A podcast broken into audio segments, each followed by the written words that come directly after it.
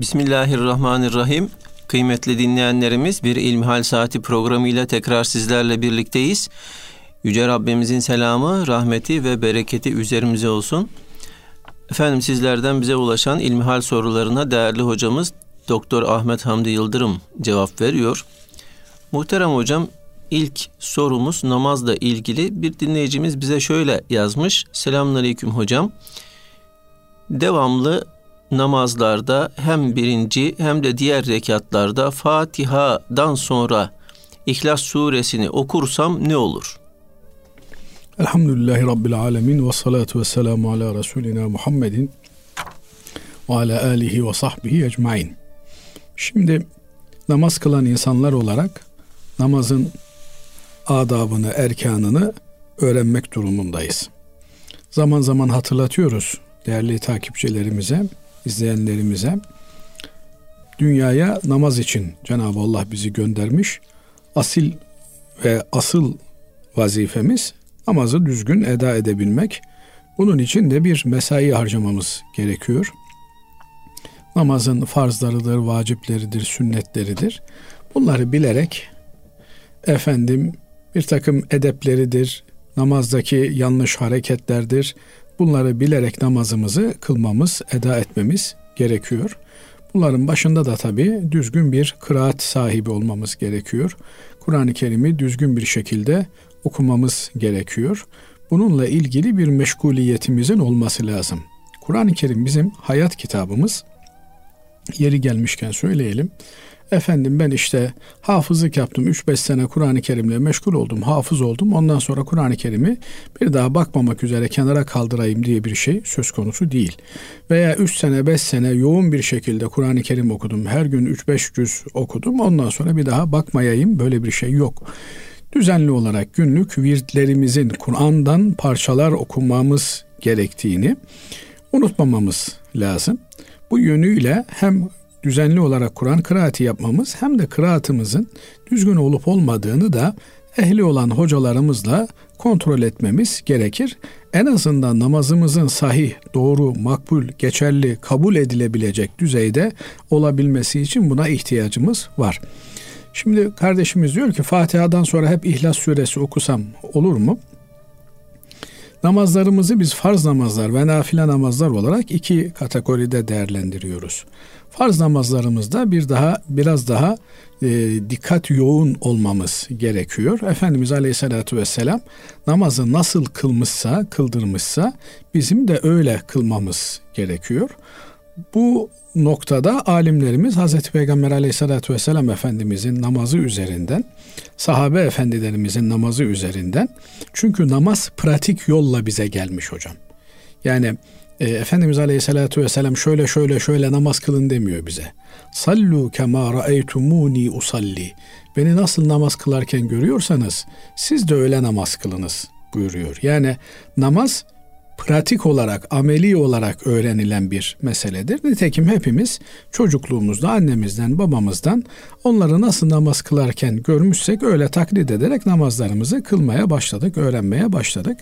Bugünkü nesillerin tabii büyük problemlerinden bir tanesi de anne babadan ayrı büyüdükleri için anaokullarında, kreşlerde, okullarda, yatılı mekteplerde vesairelerde filan anne babayla ilgili böyle e, güzel hatıralar biriktiremiyorlar. Oysa çocuk e, ergenlik çağından öncesi dediğin temiz çağı dediğimiz döneme kadar annesiyle babasıyla yoğun bir e, süreç yaşamalı. Onların namazlarını görmeli, onların zikirlerini görmeli, onların dini hayatlarına, ibadet hayatlarına muttali olmalı ki çocukta da anne babaya bir özentiyle bu hayatın başlangıcı oluşabilsin. Aksi halde işte efendim büyüyünce öğrenir, büyüyünce okur demekle bu işler olmuyor. Bunlar küçüklükten zihin dünyasına kazınması gerekiyor. Şimdi biz annemizi babamızı nasıl namaz kılarken görmüşsek öyle namaz kılıyoruz. Tabi e, namazlar tek kılındığında e, cehri okuma yapılmıyor, hafi okuma yapılıyor. Yani sessiz okuma yapılıyor. Dolayısıyla ne okuduklarını bilemiyoruz. Ama Efendimiz Aleyhisselatü Vesselam'ın, sahabe efendilerimizin dini hayatı, ibadet hayatı en ince detayına kadar alimlerimiz tarafından tespit edilmiş, bize aktarılmış. Bu yönüyle farz olan namazlarda e, her rekatta aynı surenin tekrar edilmesi uygun görülmemiş. Kur'an-ı Kerim'deki sıralamaya uygun olarak birinci rekatta biraz daha uzun, ikinci rekatta peşinden yani sıralamayı bozmadan peşinden gelen sureden veya ayetlerden biraz daha kısa olmak üzere bir kıraat yapılması tavsiye edilmiş. Ee, bunun aksi ise mekruh görülmüş yani hoş karşılanmamış. Fakat bir insan nafile namaz kılıyorsa bu nafile namazda e, özellikle de işte gece namazı kılıyor veya işte gün içerisinde Hazreti Peygamber aleyhissalatü vesselam Efendimizin kıldığı rivayet edilen namazlar var. Bunlardan kılıyor. Bunlarda biraz daha serbestiyet söz konusu. Yani aynı sureyi tekrar edebilir. Fakat burada şöyle bir tehlike söz konusu. Yani bu sureyi efendim bundan başka sure olmaz bu sureyi okumakta şöyle fazilet var diye bir inançla yaparsa bu doğru olmaz bu yanlış olur.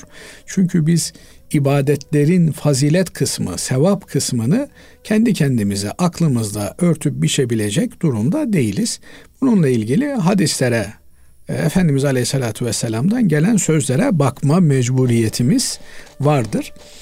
E, bu noktada dikkatli olmak gerekir. İkinci bir husus da efendim e, işi tembelliğe vurarak işte İhlas suresi kısa e, çabucak onunla ben namazı kılıyorum. Başka bir sure okuma ihtiyacı hissetmiyorum diye tembellikten ötürü böyle bir şey yaparsa bu da tabii vahim bir durum. Evet insan yeni namaz kılmaya başladığında efendim yeni namaza alıştığında böyle yapabilir ama 30 senedir, 40 senedir, 50 senedir namaz kılan bir insanın namazla ilgili e, daha böyle güzel bir e, eda şeklinin olması lazım gelir. Aksi halde bu Müslümanlıktaki kalitemizin e, derecesini göstermesi açısından bizim için pek hoş bir durum teşkil etmez. Bunun yerine efendim e, bir Kur'an okuma meşguliyeti içerisinde olarak ezberlediğimiz yerleri Kur'an'da kıraat etmek suretiyle e, kendimize bir motivasyon sağlayabiliriz, bir heyecan oluşturabiliriz. Böylelikle namazda daha zinde, daha canlı bir namaz kılmanın heyecanını yakalayabiliriz. Öbür türlü monoton bir namaz olmuş olur. Yani ne okuduğunun farkında olmayan, ne okuduğunu bilmeyen öyle işte alışkanlık haline gelmiş bir namaz oluşu verir. Evet hocam. Allah razı olsun. Efendim şimdi ikinci sorumuz biraz uzunca. Ben e, okumak isterim. Selamun Aleyküm, hayırlı günler. Ben 27 yaşındayım ve 24 yaşında bir süredir konuştuğum bir kız var. Aramızda ufak tefek meselelerde farklı düşünsek de genel itibariyle anlaşıyoruz. Kafamız uyuşuyor. İkimiz de dini hassasiyetlerimiz olan insanlarız. Bir gün önce anne ve babasıyla tanıştım, görüştük. Kız benden 6-7 santimetre daha uzun. Bu meseleyi kendi aramızda da daha önce konuşmuştuk ve bir problem olmayacağını ikimiz de söylemiştik. Benim açımdan da problem yok, o da hala problem olmadığını söylüyor ve ailesinin tutumundan dolayı üzgün. Ancak ailesiyle görüşme sonunda anne ve babası bu boy farkından dolayı itiraz etmekte. Evlilikte denklik hususuna ters deyip izin vermeyeceklerini söylemektedirler. Kefaetle ilgili soy, Müslüman oluş, hürriyet, meslek, dindarlık ve zenginlik kıstaslarından da soy, dindarlık ve zenginlikle ilgili daha üstün olduğumu söyleyebilirim. Burada fiziksel özelliklerle ilgili bir madde yok. Başka kaynaklarda da göremedim. Benim fiziksel ve sağlıkla ilgili bir kusurum da yok çok şükür. Arada sadece bir boy farkı var ve bu ikimiz arasında da problem değil. Ailesiyle ilgili de onların gönüllerini alarak, rızalarını alarak hareket etmek istiyorum. Ailesi de yine dindar insanlar.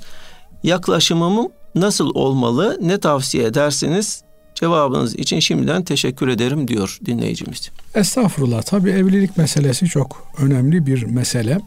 Hakikaten baktığımızda biri 27 yaşında, kızımız 24 yaşında. Normalde e, vakitte geçmek üzere. Yani buluğ çağına erer ermez işte 18'inde 19'unda e, evlenme yaşını belirlemek ve bir an önce gençlerimizi baş göz etmemiz gerekiyor. Çünkü evlilik yaşı geciktikçe kaşının üzerinde gözün var türünden hilaf hakikat bahanelerle iş zorlaşıyor. Ee, burada da görünen böyle bir durum söz konusu. Şimdi denklik denilince kardeşimiz araştırmış. E, denkliğin hangi noktalarda arandığı ile ilgili. Öncelikle şunu ifade etmek gerekir ki e, erkeğin kıza denk olup olmadığı mevzu edilir, konu edilir. Yoksa kızın erkeğe denk olup olmaması meselesi e, evet sosyolojik olarak vardır ama dinen böyle bir araştırma söz konusu değildir. Bunun da sebebi şu. Çünkü genelde talip olan erkektir. Yani insan e, kendine göre sosyal statüsüne, dini anlayışına, efendim ahlaki değerlerine uygun olarak gördüğü bir kıza talip olur. Burada talip e, olunan e, kız olduğu için de kız ailesi efendim damat adayının e, kendilerine münasip olup olmadığına bakar. Bunun başında ilk gelen Müslümanlık meselesidir. Müslümanlık meselesi de burada e, insanlar tek başlarına yaşamadıkları için Basri Hocam yani bir toplum içerisinde yaşıyoruz. Yaşadığımız e, aile olduğumuz toplumda da sadece bir kızla bir erkek evlenmiyor. Nihayetinde e, sonrasında bir çocuk olduğunda kız tarafı çocuğun dayıları oluyor, teyzeleri oluyor, erkek tarafı çocuğun amcası oluyor, halası oluyor, dedeleri var vesaireleri var ve çocuk bu e, çerçevede bu atmosferde büyüyor. Bugün belki dağıldı artık insanlar birbirlerinden e, bir musafın e, kopmuş şirazesi kopmuş bir musafın dağıldığı gibi bölük pörçük oldular. Bir tesbih taneleri gibi her tarafa saçıldılar. Kimse kimseyi aradığı yok, sorduğu yok. Ne dayı bilinir, ne hala bilinir, ne teyze bilinir, ne amca bilinir. Böyle bir garip dünyaya e, geldik öyle bir duruma geldik. Onun için gittikçe sılayı rahimin yani akraba bağlarını muhafaza etmenin, akrabayı arayıp sormanın, koruyup gözetmenin önemi daha fazla anlaşılır, hissedilir hale geliyor. Mamafi e, kendisi namaza başlamış olan bir delikanlı ile efendim iki kuşaktır namazında niyazında bir delikanlı aynı kategoride değerlendirilmez. Niye? Evet kendisi namaza başlamış. Namazında, niyazında e, dürüst bir Müslüman. Fakat e, babası e, öyle değil veya dedesi öyle değil. Bununla yani atadan beri dindarlığı tescilli olan bir kimsenin e, aynı seviyede olmadığı söylenir.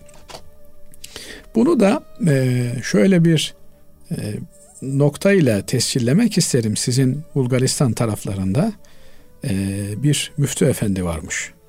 Evet. Bunu e, Şeyh Zahidül Kevseri Makalat adlı kitabında bir hoca efendinin biyografisini verirken anlatıyor. Müftü efendiye bulunduğu bölgenin işte Sofya diyelim Sofya müftüsü hoca efendi bulunduğu bölgenin Müslümanlarından biri geliyor diyor ki efendim diyor kızıma diyor yeni Müslüman olmuş biri talip oldu diyor kızımı buna vermem uygun mudur değil midir diye hoca efendiye soruyor. Ee, anlaşılan hoca efendi aynı zamanda bölgenin bir kanaat önderi de e, olmuş oluyor. Hoca efendi diyor ki müftü efendi acele etme diyor. Aradan bir zaman geçiyor. Yine bu zat gelip diyor ki efendim diyor kızıma bir yeni Müslüman olmuş mühtedi talip oldu. Vereyim mi diye sordum siz acele etmeyin dediniz e, ne dersiniz? Acele etme diyor. Gidiyor adamcağız bir daha geliyor bir müddet sonra efendim diyor yani bu adamcağız evlenecek. Kızıma talip olmuş benden cevap bekliyor. Evet veya hayır. E, çok da bekletemem diyor. Yani bana bir cevap verin de diyor. Ben diyor ona göre e, davranayım. Bu hoca efendi samimi bir şekilde şunları söylüyor.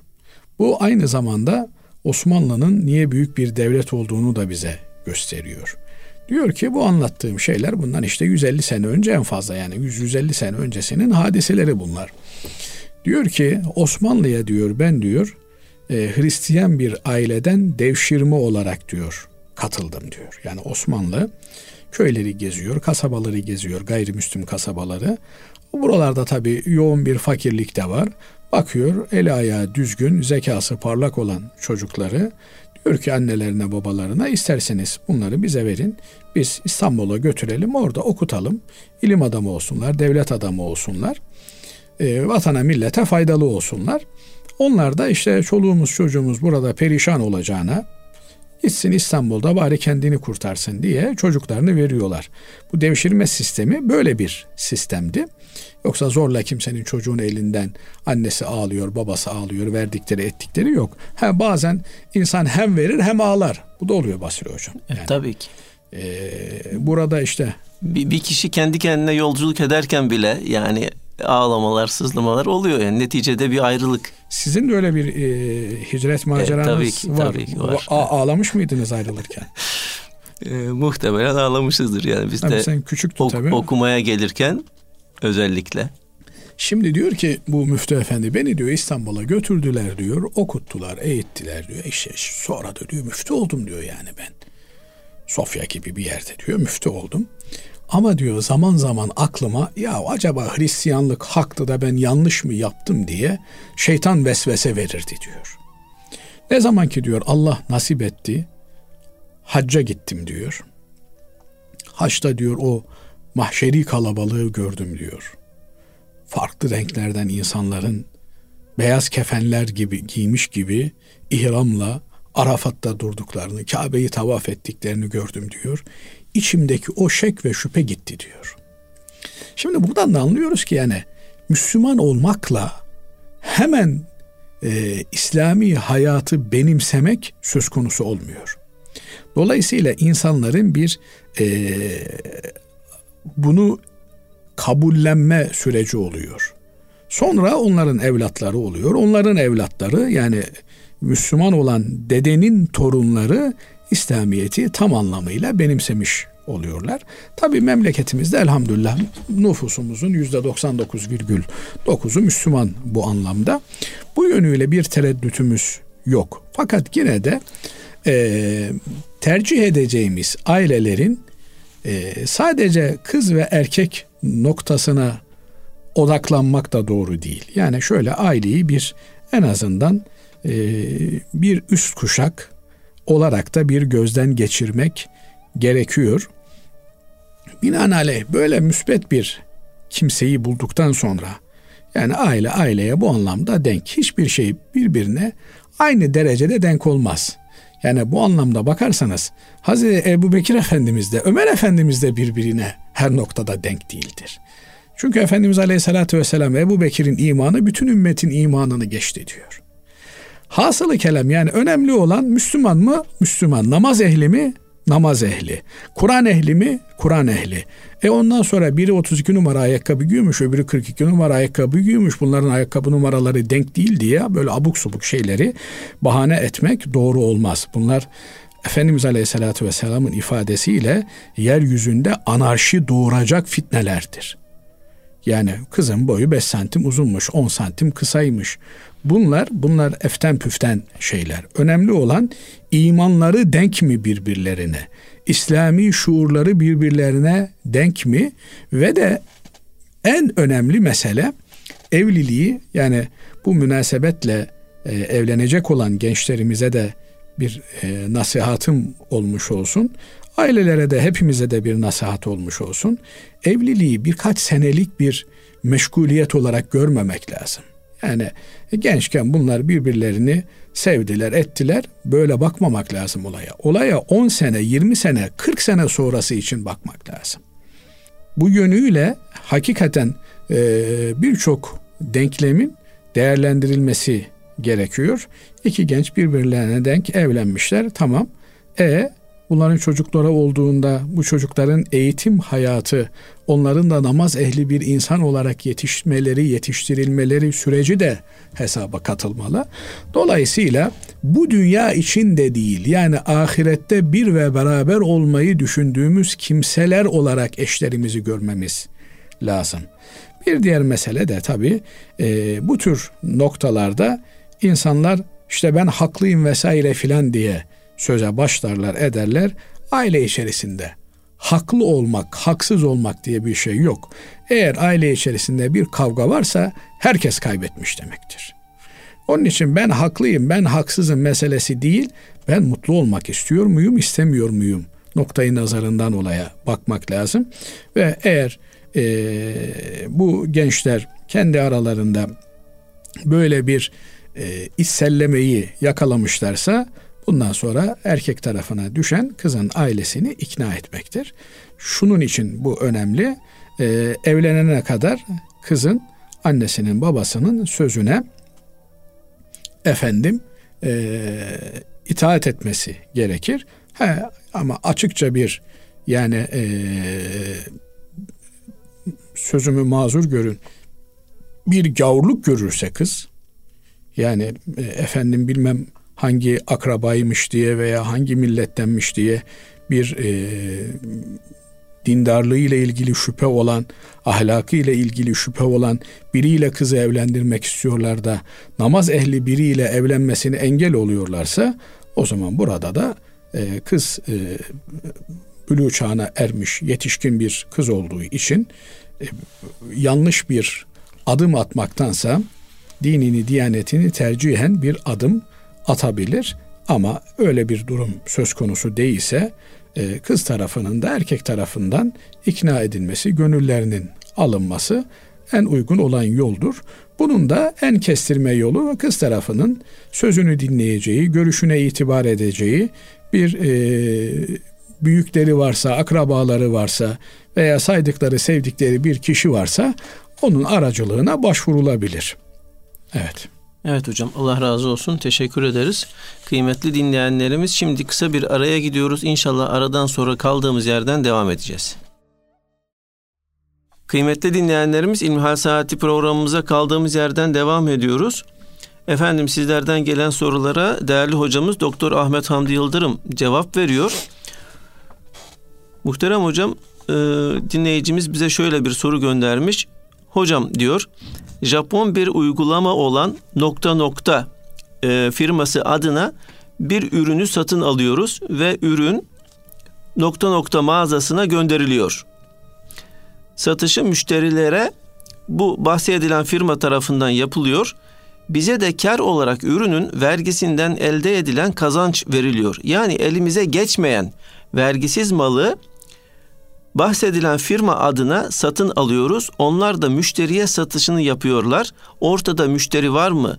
Gerçekten satış yapılıyor mu? Bu konuda bilgi sahibi değiliz.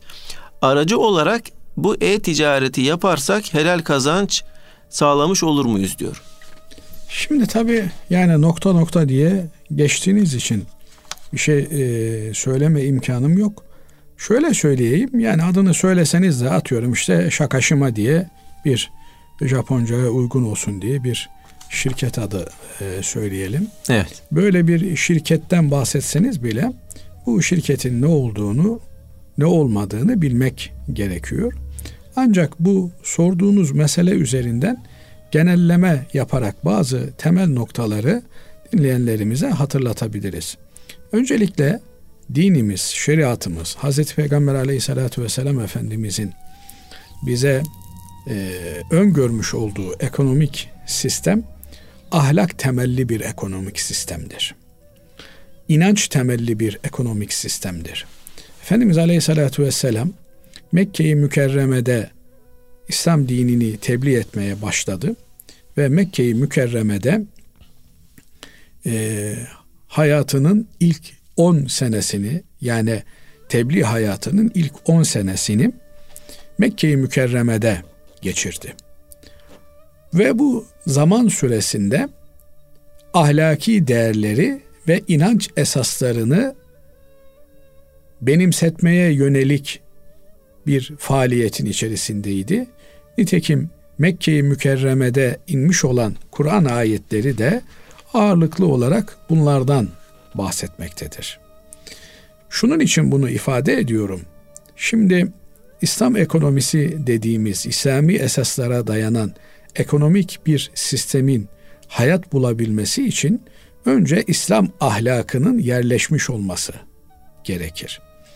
İslam ahlakının en temel ilkelerinden biri de e, doğruluk ilkesidir, dürüstlük ilkesidir, samimiyettir. Nitekim Hz. Peygamber aleyhissalatü vesselam Efendimiz Eddinu en nasiha, din samimiyettir diye dinin muhtevasını tek bir kelimeyle özetlemiş. Samimi olacaksın.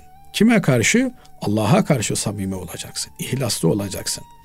Sonra Hz. Peygamber aleyhissalatü vesselam Efendimiz'e karşı samimi olacaksın. Sonra müminlerin idarecilerine karşı samimi olacaksın. Münafıklık yapmayacaksın. Yaltakçılık yapmayacaksın. Hakkı söyleyeceksin. Doğruyu söyleyeceksin. Bunu söylerken Allah rızası için söyleyeceksin. Ve en genel itibariyle ve li'ammetil muslimin bütün Müslümanlara karşı samimi olmaktır. Bunun anlamı şu.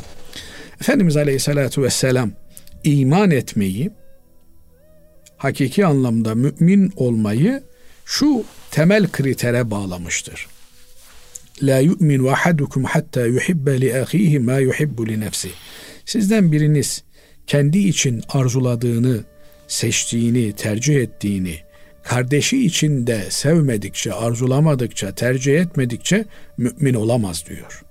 Yani sen kaliteli bir malı nasıl ucuza almak istiyor isen kardeşin de müşteri olduğunda ona kaliteli bir malı ucuza vermeyi seçmelisin, tercih etmelisin.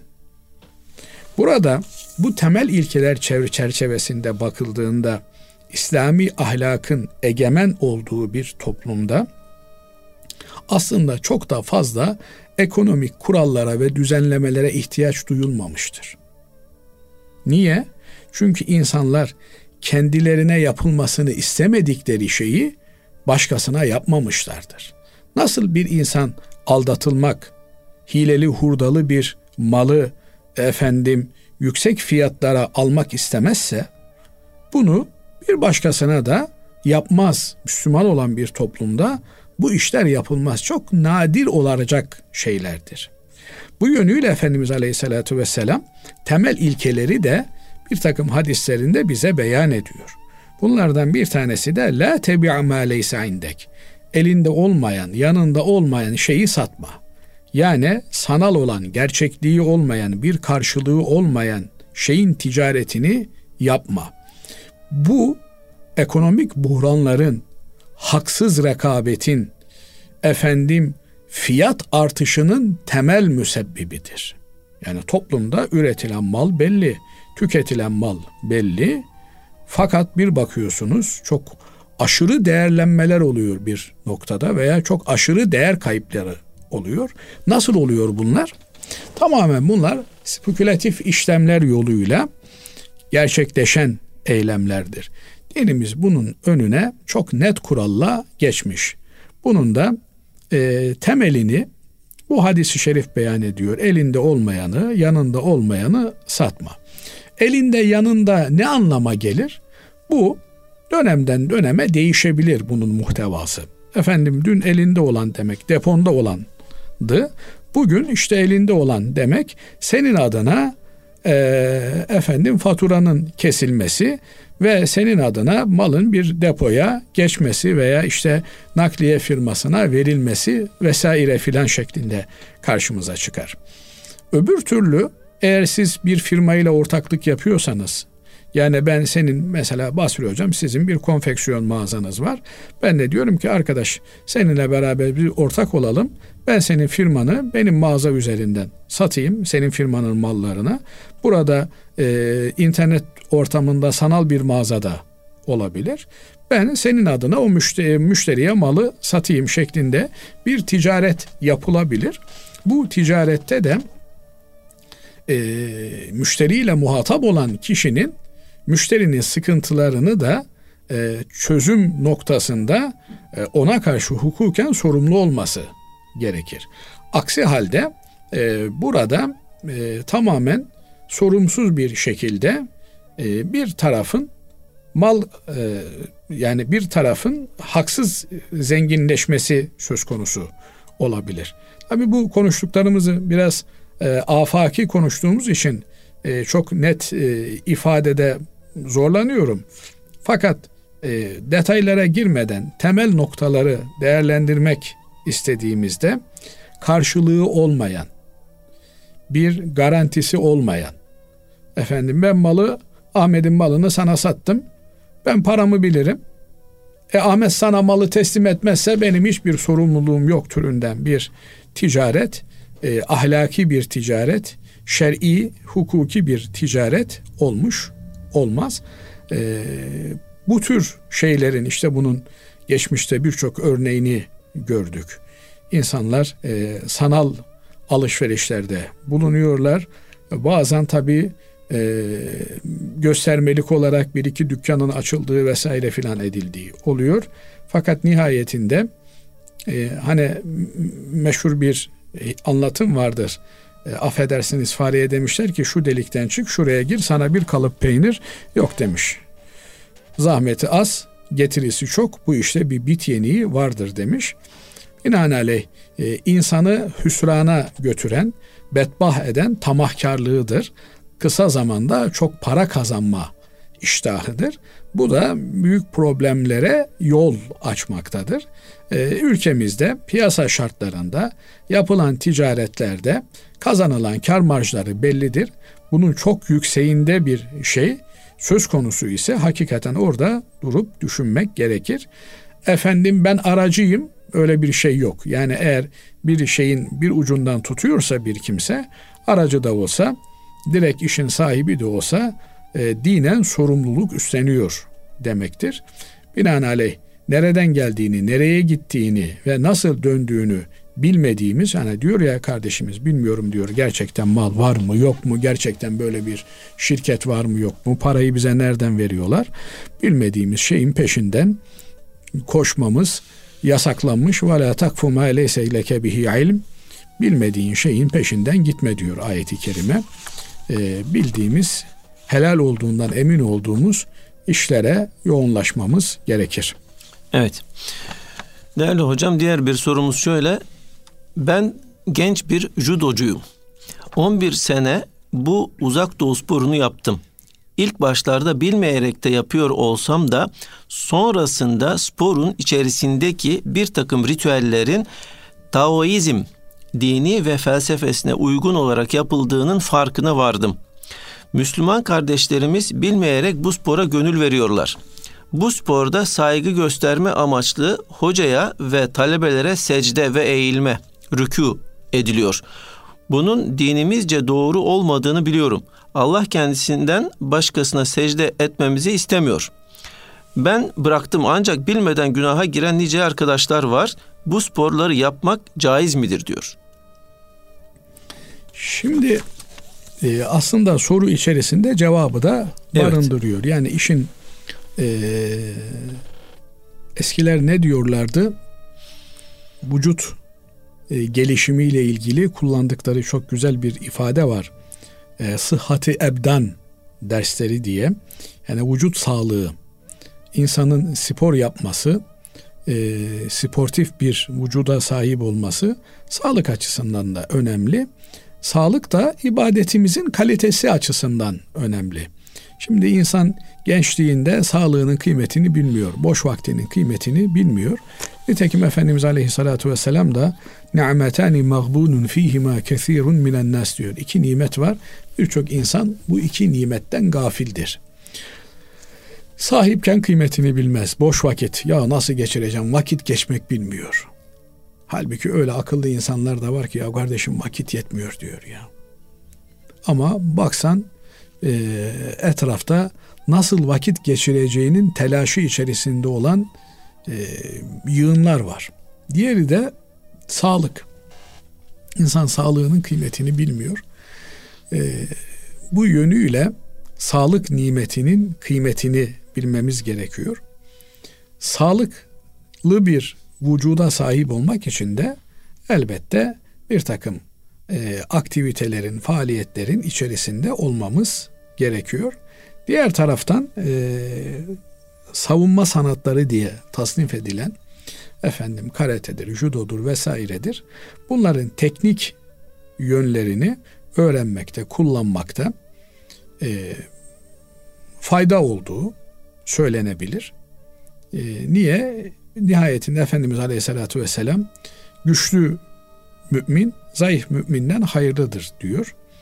E, insan bu teknikleri bilir, bu sanatları bilir.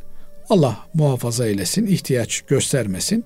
Hine hacette kullanması gerektiğinde de kullanır. Size karşı, malınıza karşı, bir Müslümanın malına karşı, ırzına karşı, namusuna karşı bir tehdit olduğunda e, bu öğrendiklerinizi kullanırsınız. Fakat böyle bir şey yapacağım diye adamın dinine, diyanetine tabi olmak, efendim onun bu spor üzerinden din pazarlaması, din ticareti faaliyetine yem olmak doğru değil. E, işte bugün e, bir takım e, misyonerlik faaliyetleri maalesef bu tür söylemler üzerinden yürüyor. Bunlardan bir tanesi de işte ülkemizde yaygınlanmaya, yaygınlaşmaya başlayan uzak doğudaki bir ülke e, sempatisi, sevgilisi, e, fanları diye e, imam hatiplere kadar girmiş olan bir e, realite var, bir gerçeklik var. E, belki bir takım Müslüman aileler o ülkenin dizilerini biraz daha aile yapısı muhafazakar diye tercih etmişler. Onları hiç olmazsa çocuklarımız seyretsin demişler. Ama bu e, meret ekranın herhalde hadis-i şeriflerde buyurulan deccal denilen tek gözlü varlığın e, mecazi karşılığı ekran olsa gerek. Bir cennet sunuyor aslında cennet değil cehennemin ta kendisi. Herkes elinde bir ekran. Kimi televizyon ekranı, kimi telefon ekranı, kimi bilgisayar ekranı. Orada kendince mutluluğu arıyor, cennetini arıyor ama cehennemden başka bir şey bulamıyor maalesef. İşte e, buralarda bir takım dil öğretme bahanesiyle bir takım evlere insanların çağrıldığını duyuyoruz. Efendim e, müzik pazarlama üzerinden bir de bakıyorsunuz ki ev kilisesi işletiyorlar. Yani bunu e, işte geçenlerde sosyal medya gruplarında da paylaştılar.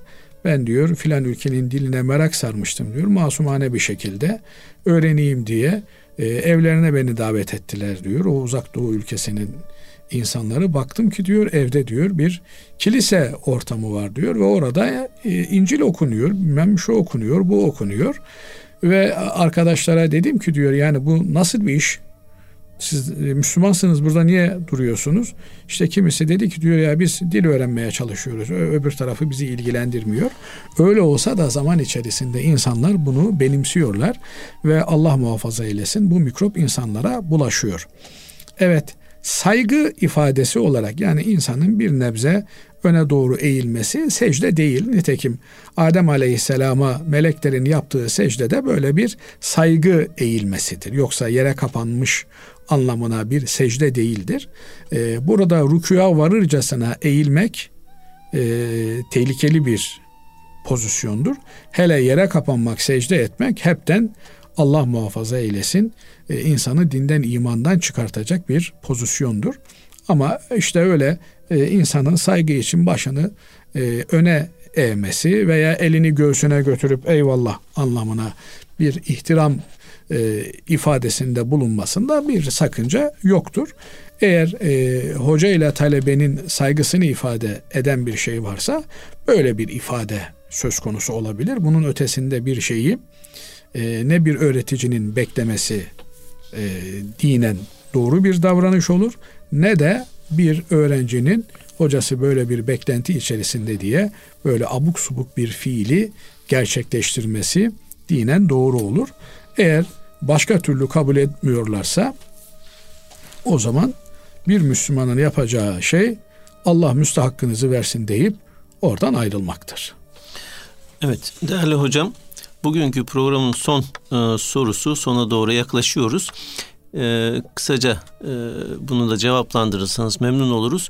Selamünaleyküm diyor dinleyicimiz. Karı koca kavga etse erkek karısına beğenmiyorsan veya istemiyorsan babanın evine git dese niyeti de boşanalım veya istersen boşanalım olsa nikah düşer mi?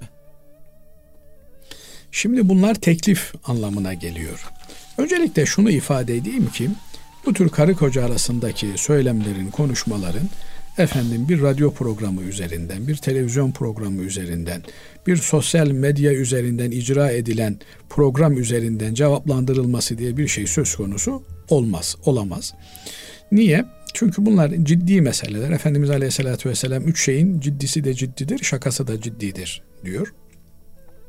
Binaenaleyh bu tür meselelerle ilgili karı koca ilgililerin e, mutlak surette fiziki olarak kendilerine en yakın bir müftülüğe, müftülüklerimizde dini danışma merkezleri var, fetva e, görevlileri var. Onlarla yüz yüze bu meseleyi tarafların anlatması. Oradaki hocalarımız da kendilerine gerekli cevabı, dini bilgilendirmeyi yapmak suretiyle e, vereceklerdir. Binaenaleyh bu tür meseleleri bizatihi asıl e, doktora ihtiyacımız olduğunda telefonla danışma hizmeti almıyorsak, efendim bir psikoloğa, psikiyatra gitme ihtiyacı hasıl olduğunda yapıyorsak, burada da onu yapmamız gerekiyor. Evet, televizyonda da, efendim radyo programlarında da sağlık pro, e, program, programları yapılıyor. E, ama işin tedavi kısmı, özel kısmı onlar e, özel ilgi ve alaka gerektiriyor. Fakat burada e, temel olarak söyleyeceğimiz şey şudur. Beğenmiyorsan gidersin. İstemiyorsan git türünden ifadeler vekalet ifadeleridir. Yani e, boşama yetkisi e, İslami evliliklerde kocaya ait bir yetkidir. Koca sen boşayabilir hanımını. E, hukuken bu boşama geçerlidir. Ha, dinen sorumlu olup olmaması meselesi. Dinen bir günaha girip girmemesi meselesi kocanın o bahsi digerdir yani ayrıca bir konudur. Ama bir koca karısını boşayabilir. Seni boşadım dedi mi aralarındaki evlilik bağı bitmiştir. Kadının boşanma yetkisi vardır. Yani kadın eğer e, evliliğiyle ilgili bir problem yaşıyorsa e, bu durumda boşanmayı talep edebilir. Boşanmayı kocasından talep edebilir e, veya mahkemeden talep edebilir. Bunlar farklı bir takım seçeneklerdir ama e, bugünkü mer'i mevzuatta kadının da kocanın da boşama yetkisi bulunmamaktadır. Dolayısıyla e, kendi iradeleriyle evlenen çiftler kendi iradeleriyle ayrılamamaktadır. Araya mahkeme girmekte. Mahkeme süreci de biliyorsunuz uzun uzadıya sürdüğü için maalesef e, tatsızlıklar oluşmakta, haksızlıklar oluşmakta, e, uzun süre çözümsüz kalan davalar sonra e, hukuk dışı yollarla çözülme yoluna gidildiğinden acı tablolar ortaya çıkmakta. Burada e, adamcağız karısına eğer beğenmiyorsan, beni istemiyorsan sen o zaman boşanabilirsin. Yani beğenmiyorsan babanın evine gidebilirsin demiş. Kadın tamam o zaman ben de pılımı pırtımı toplayıp babamın evine gidiyorum dedi mi kadın boşanmadan tarafa bir irade beyanı ortaya koymuş olur. Fakat bunların dediğim gibi yani detayı, tafsilatı vesairesi ilgililerin efendim bir e, hukuki dini danışmanlık almalarını gerektiren bir durumdur. Cenab-ı Allah e, sevmediği, razı olmadığı, arşın titremesi demek olan boşanmayı bizlerden, ümmeti Muhammed'den, bütün toplumdan uzak eylesin. Maalesef çokça bu tür olaylarla karşılaşıyoruz. İnsanlar artık ben haklıyım, ben haklıyım diye e, onlarca yıllık birikimlerini heba edebiliyorlar. Oysa haklı olmaktan daha ziyade e, mutlu olmaya bakmak lazım. Dünya ve ahiret saadetine bakmak lazım. Cenab-ı Allah mutlu mesut yuvalarda hayat geçirebilmeyi hepimize nasip ve müyesser eylesin. Allah razı olsun değerli hocam. Kıymetli dinleyenlerimiz bir İlmihal Saati programımızın daha sonuna ermiş bulunuyoruz. Efendim hepinizi Allah'a emanet ediyoruz. Hoşçakalın.